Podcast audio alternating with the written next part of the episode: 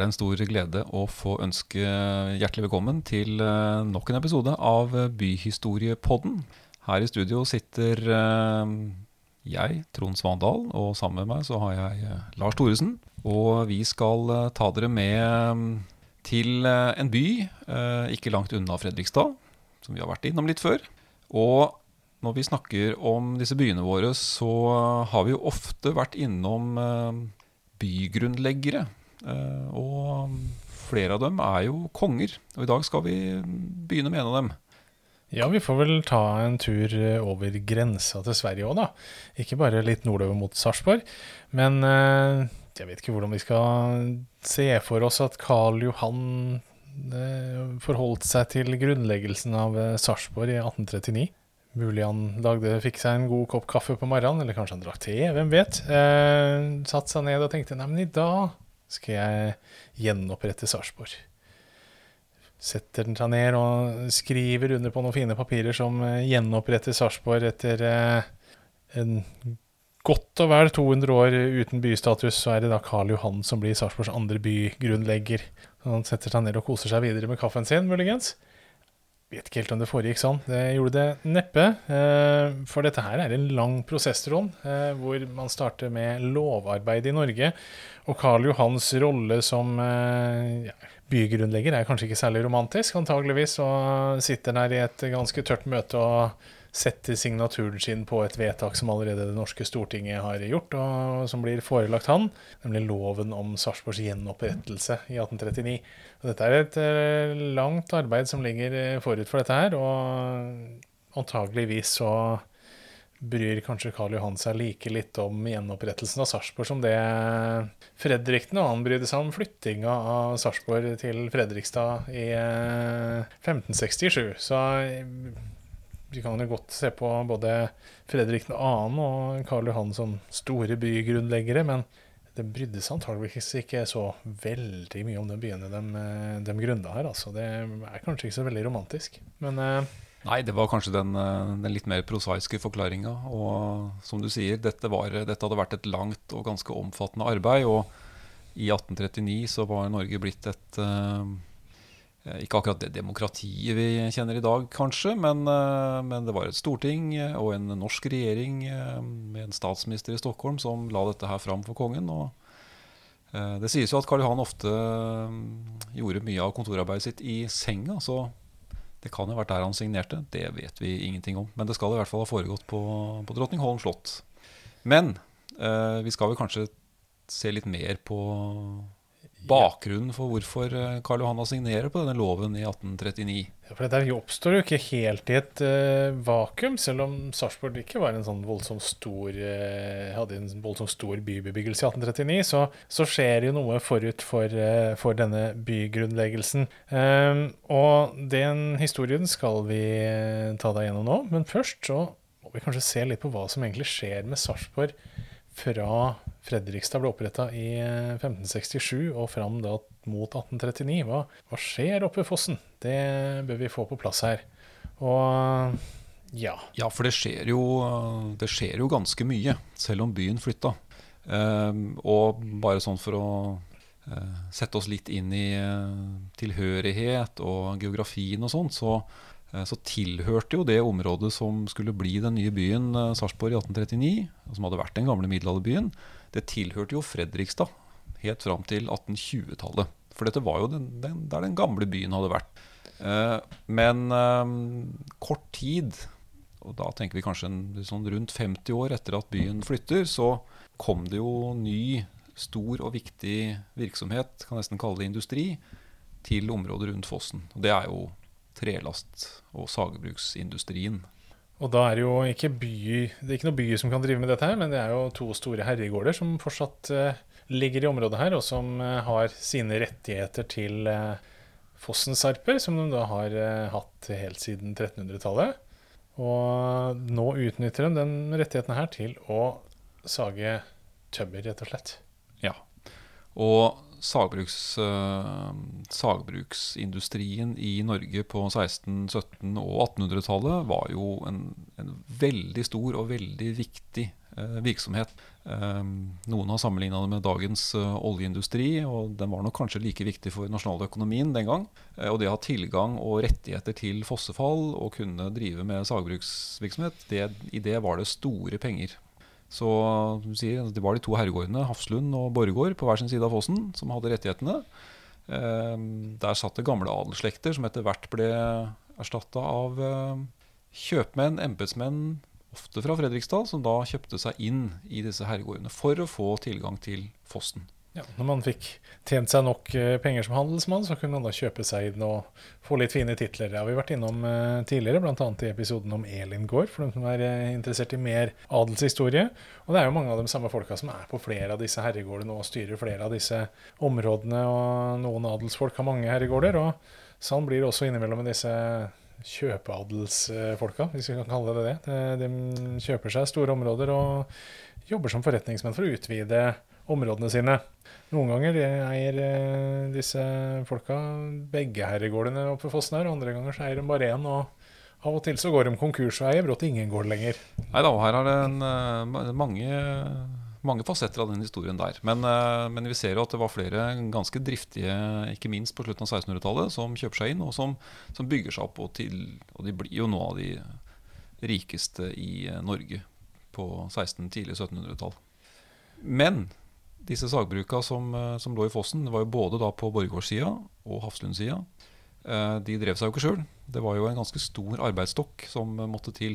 Og det må ha bodd en del hundre mennesker som da jobba på disse bruka både på Hafslundsida og vi kan si Borregaardsida, eller bysida av Fosen.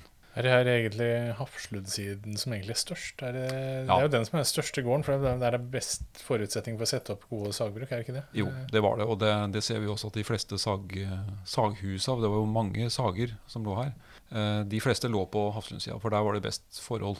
I, I, dag så er det lett å tenke seg For Borregaard er så stor industribedrift at det var der det meste var. Men det var faktisk på Hafslund-sida. Er jo Hafslund er jo kjent for å ha et eh, egentlig helt nesten lite brukssamfunn med flere hundre mennesker som var tilknytta det bruket. Borregaard noe mindre, eh, og det er der egentlig byen da skal gjenopprettes etter hvert.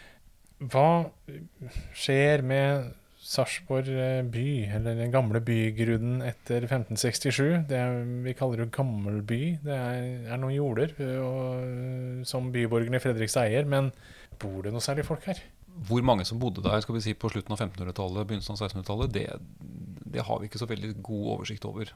Men uh, når vi kommer inn på 1700-tallet, så, så har det nok begynt å bo kanskje et par hundre mennesker. Eh, vi vet at det lå noen gårdsbruk i området, i tillegg til herregården, altså til, i tillegg til Borregaard. Eh, og så var det disse byløkkene da, som, eh, som man jo fremdeles hadde, som, som, juridisk sett lå til Fredrikstad. Men det som kanskje er det største skiftet, og som, som blir på en måte en utgangspunktet for den nye Sarpsborg, det er den bebyggelsen som vokser opp sør for Glengshøren, og som da kaltes Gleng. Eh, og som ligger ja, Det er jo dette området litt nord for, eh, for Torvet i Sarpsborg i dag, ned mot, eh, ned mot, vannet. Der vokser opp en liten bebyggelse. Her bodde det, en ganske fattig strøk. Men vi vet på 1700-tallet så bodde det, det var noen småkjøpmenn, høkere, soldater, arbeidere ikke minst. både som da jobba på sagbruket, men som også jobba med tømmertransport, tømmerfløting det var mye transport nedover elva til Fredrikstad, for der lå, jo, der lå jo havna. Så det var mye prammer som skulle nedover, og mye tømmer skulle fløtes. Og, så det var en stor virksomhet i området. Og Gleng blir jo et ikke ubetydelig lite samfunn, men som da fremdeles, eh, og inntil 1820-åra, juridisk sett lå innunder Fredrikstads jurisdiksjon. Og Hvis vi går litt lenger sørover, så kommer vi ned i det andre litt mer bymessige området, nemlig Sandnessund. Der var også en del eh, folk, og der er jo virksomheten lenger ned, altså retta mot elva nedafor fossen som er viktig. Og det er også et uh, ferjested, for det er her man krysser elva ofte. Ja, Sandnessund var, eh, var, jo viktig på, på, de to feltene der. Um, det er jo det som blir Sarpsborg havn. Og Der var det mye virksomhet, altså både med lastetomter for trelast, og, og, det, og det bodde jo litt mennesker her som hadde med tømmertransport og tømmerfløting å gjøre. Og så var det fergestedet. For der gikk Kongeveien fra Kristiania til Fredrikshall, til Halden. Eh, og der var det et fergested. Et veldig viktig samferdselspunkt. Eh, og fergeforbindelsen der var jo faktisk Det var en fergeforbindelse der til langt opp mot vår tid, til Sandnesundsbrua kom. Det var ikke hovedvei lenger, men, men det var ferge over der. Så, så Sandesund har vært et viktig punkt lenge. Og som bare skulle bli viktigere og viktigere. Og helt uh, sentralt også da for uh, den nye byen Sarpsborg. Den nye bebyggelsen her vokser antageligvis da fram ut på, på 1700-tallet. Eh, også i, vokser det fram litt bebyggelse i denne gamlebyen som du nevnte. Ja. Du, vi snakka litt om det her i stad, at det er en eh, i 1702 så skjedde det en veldig dramatisk begivenhet. Eh, kan vi ikke kalle det begivenhet? Eh, katastrofe er eh, ordet vi egentlig leter etter der. Hvor rett og slett hele herregården på Borregaard-siden ramler i elva. Raser i elva. Det er et stort jordras hvor lera fyker ut i elva. Og da hører vi mye om denne gården som raser i elva, men vi hører ikke om andre folk som ryker med. Det er disse folka som er tilknytta herregården, som raser ut.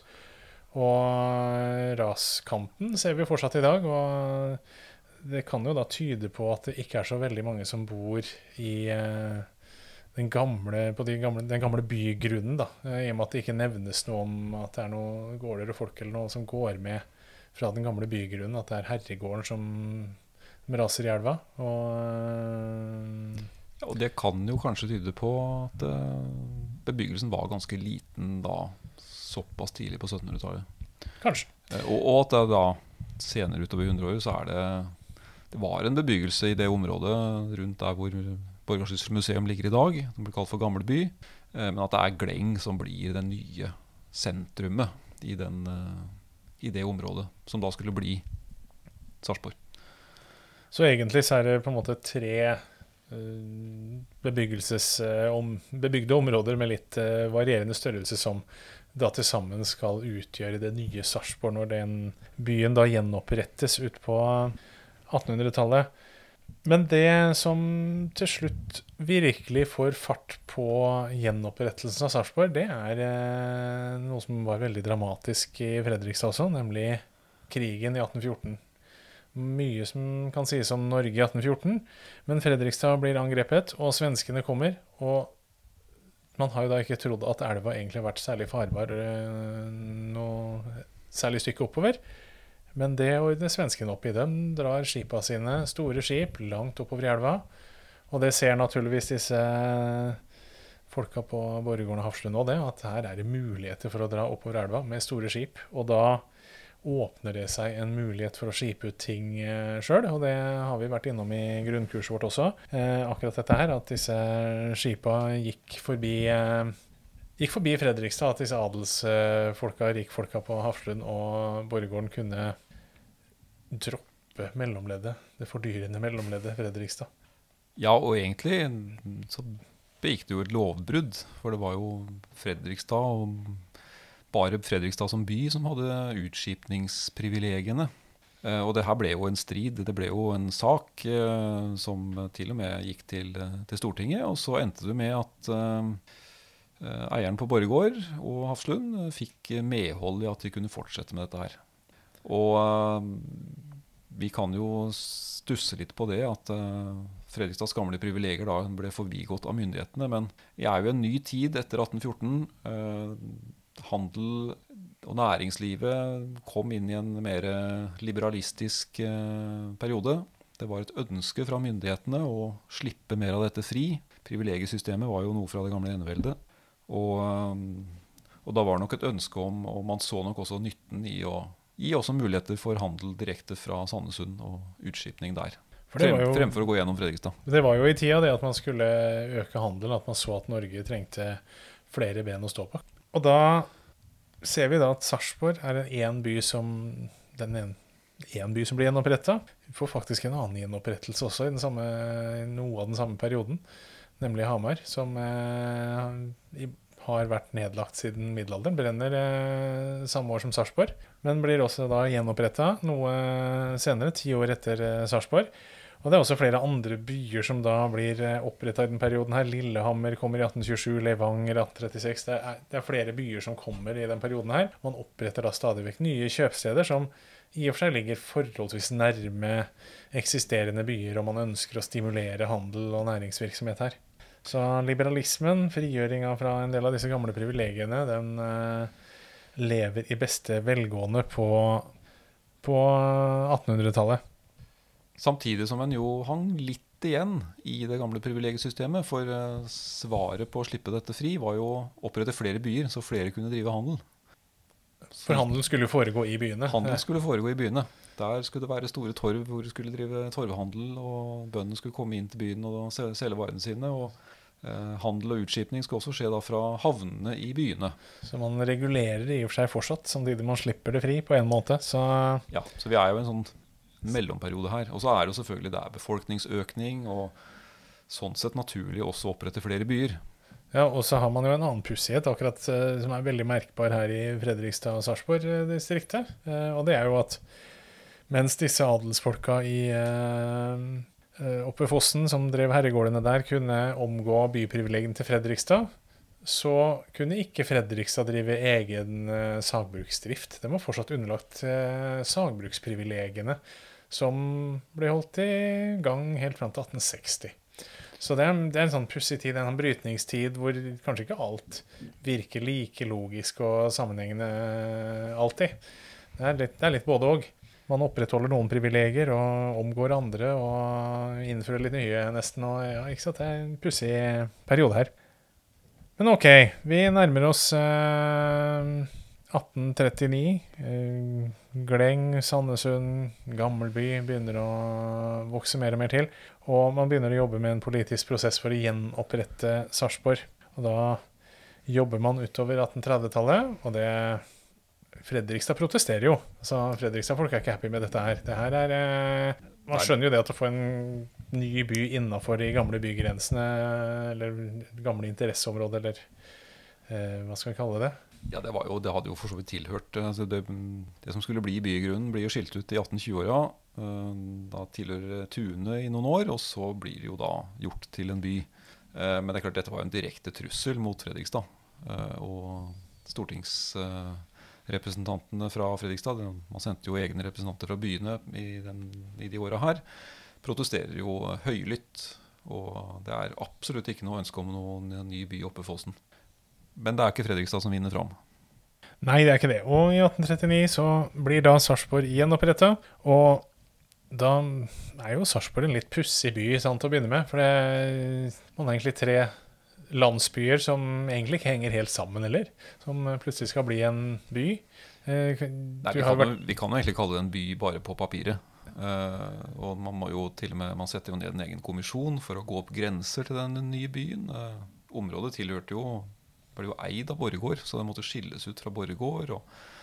eh, man måtte rett og slett eh, tegne et forslag til en by med kvartaler og gater. Eh, for det hang jo ikke sammen, som du sier. Så man måtte fylle inn de, de åpne områdene med gate, og tegne gater og planlegge litt hvor man skulle legge sentrale funksjoner som domhus og kirke og litt forskjellig. Ja, og ikke minst torv. Eh, et stort torv. Og det bærer vel kanskje Vi får kanskje inntrykk av at man hadde sett for seg en, eh, en by som skulle vokse raskere enn den kanskje gjorde. Og at det skulle være et stort handelssentrum for distriktene rundt. Eh, og Sarpsborg har et stort, flott torv. Og det, jo, og det var veldig stort i 1840-åra. Sakte, men sikkert så begynner jo også denne byen å fylles med innhold. Eh, og den er jo en reell trussel mot Fredrikstad. Det er den jo. Eh, det sier kanskje vel så mye om næringsgrunnlaget i Fredrikstad som om Sarpsborg? Jeg vet ikke. Jo, det tror jeg du har helt rett i. Og altså, allerede etter få år så blir jo Sarpsborg havn en av de store eksporthavnene i Norge. Eh, mens Fredrikstad sakker jo helt akterut. Eh, og hele havnegrunnlaget til Fredrikstad var jo trelastindustrien ved Fossen. Så, så, det er jo en ganske dyster stemning eh, i Fredrikstad. Det var vi også litt inne på i grunnkursepisodene våre i for så vidt 1830- og 1840-åra. For dette her var, eh, dette var alvorlig for byen. Altså byen Fredrikstad. Byen Fredrikstad det er jo hele tiden en sånn eh, litt hat-elsk-forhold mellom disse byene, og det går jo mye på næringsgrunnlag og kamp om ressurser og hvor hva skal ligge. Det ser vi jo fortsatt i dag, at det stadig vekk er dragkamper om eh, sentrale institusjoner og toglinjer og, og det meste. Sarpsborg eh, ser jo da ut til å, i hvert fall om ikke Sarpsborg blir eh, en strålende suksess på alle områder, så klarer de i hvert fall å hevde seg godt mot Fredrikstad og ta litt luven av denne nabobyen i sør.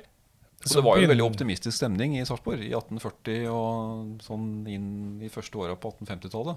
Eh, kan nesten få litt sånn Klondyke-fornemmelser. Ikke sant? Og byen så kanskje litt sånn ut òg. Vi har jo noen gamle fotografier hvor du ser en sånn lafta tømmerhus som eh, var raskt satt opp. og Det flytta mye folk hit. Så det, var, det må ha vært en, eh, en sånn nybyggerstemning. Den nybyggerstemningen den flytter seg ganske kjapt til Fredrikstad.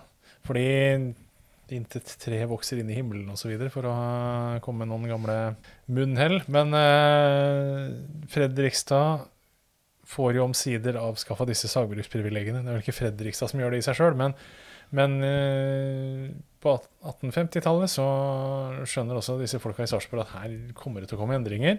Og de ønsker jo ikke at de endringene skal skje, men eh, sagbruksprivilegiene blir fjerna i 1860. Og da står sagbruka i Fredrikstad dampsagene klare til å ta fatt. Fra januar 1860 så er eh, de i gang. Og da kommer disse gammeldagse sagbruka oppe i fossen raskt i bakleksa. Og den blir jo etter hvert eh, til og med helt nedlagt utover i 1870-åra, at man eh, kutter dem helt ut. Og da blir det ikke så morsomt å drive næringsvirksomhet i Sarpsborg på alle områder, i hvert fall. Vi ser jo til og med ut på, når vi gjør opp status litt utover 1870-1880-åra, så ser vi at befolkningen faktisk minker. Altså det er jo midt i den industrielle oppgangstida mange steder i Norge. og eh, da å prestere å faktisk eh, få en befolkningsnedgang på rundt, jeg tror det er rundt 500 mennesker befolkningen minker med. Altså Man går ned fra 7500 innbyggere til 7000 innbyggere eller noe i den stilen der, eh, innafor grensen av Sarpsborg. Og det er ganske dramatisk. Ja, det sier jo ganske mye om at det var en by som, som i beste fall var i stagnasjon. Eh, for det er, klart, det er jo en periode som du sier, med industrivekst. Det er kraftig befolkningsøkning. Man flytter fra landsbygda til byene. Eh, og da er det ikke Sarpsborg som, som, får det tilskuddet der. Mens Fredrikstad jo har en eksplosiv befolkningsvekst i 1860-1870-åra. Ja, da Fredrikstad går fra de andre Østfold-byene og blir Østfolds klart største by i den perioden her. Ehm, men Sarpsborg klarer seg jo tross alt ganske bra. Så det er ikke sånn at byen blir avfolka og det er øde gater og alt er krise. Men eh, man er jo fortsatt et handelssted for områdene rundt, og det skjer positive ting i form av en eh, jernbaneutbygging. Det er stadig vekk jernbane kommer vi tilbake til her i eh, Nedre Glomma-regionen, hvor den skal gå. Det fant man i hvert fall ut av i 1879, eh, eller da blir, Østfoldbanen blir åpna og kommer til Sarpsborg. Og det var også selvfølgelig et positivt eh, innslag for Sarpsborgs del. Men fortsatt så er man litt i stuss om hva man skal gjøre videre utover på, eh, på 1880-tallet. Og man venter vel kanskje litt på et industrieventyr i Sarpsborg også, men helt hva det skal være, det har man vel ikke helt klart for seg. Nei, det var jo eh, Man så jo hva som hadde skjedd i Fredrikstad. Og håpet var sikkert at noe tilsvarende skulle skje også i Sarpsborg. Så øh, Og det er jo ikke noe hemmelighet at det, det skjedde øh, også Nei. mye i Sarpsborg.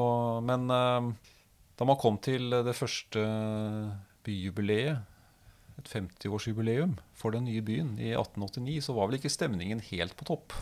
Nei, jeg har til og med skrevet litt om det en annen gang. Og denne sogneprest Arnesen, som er byens stortingsmann, han er ikke, han er ikke helt sikker på hvor veien går videre for uh, Sarpsborg.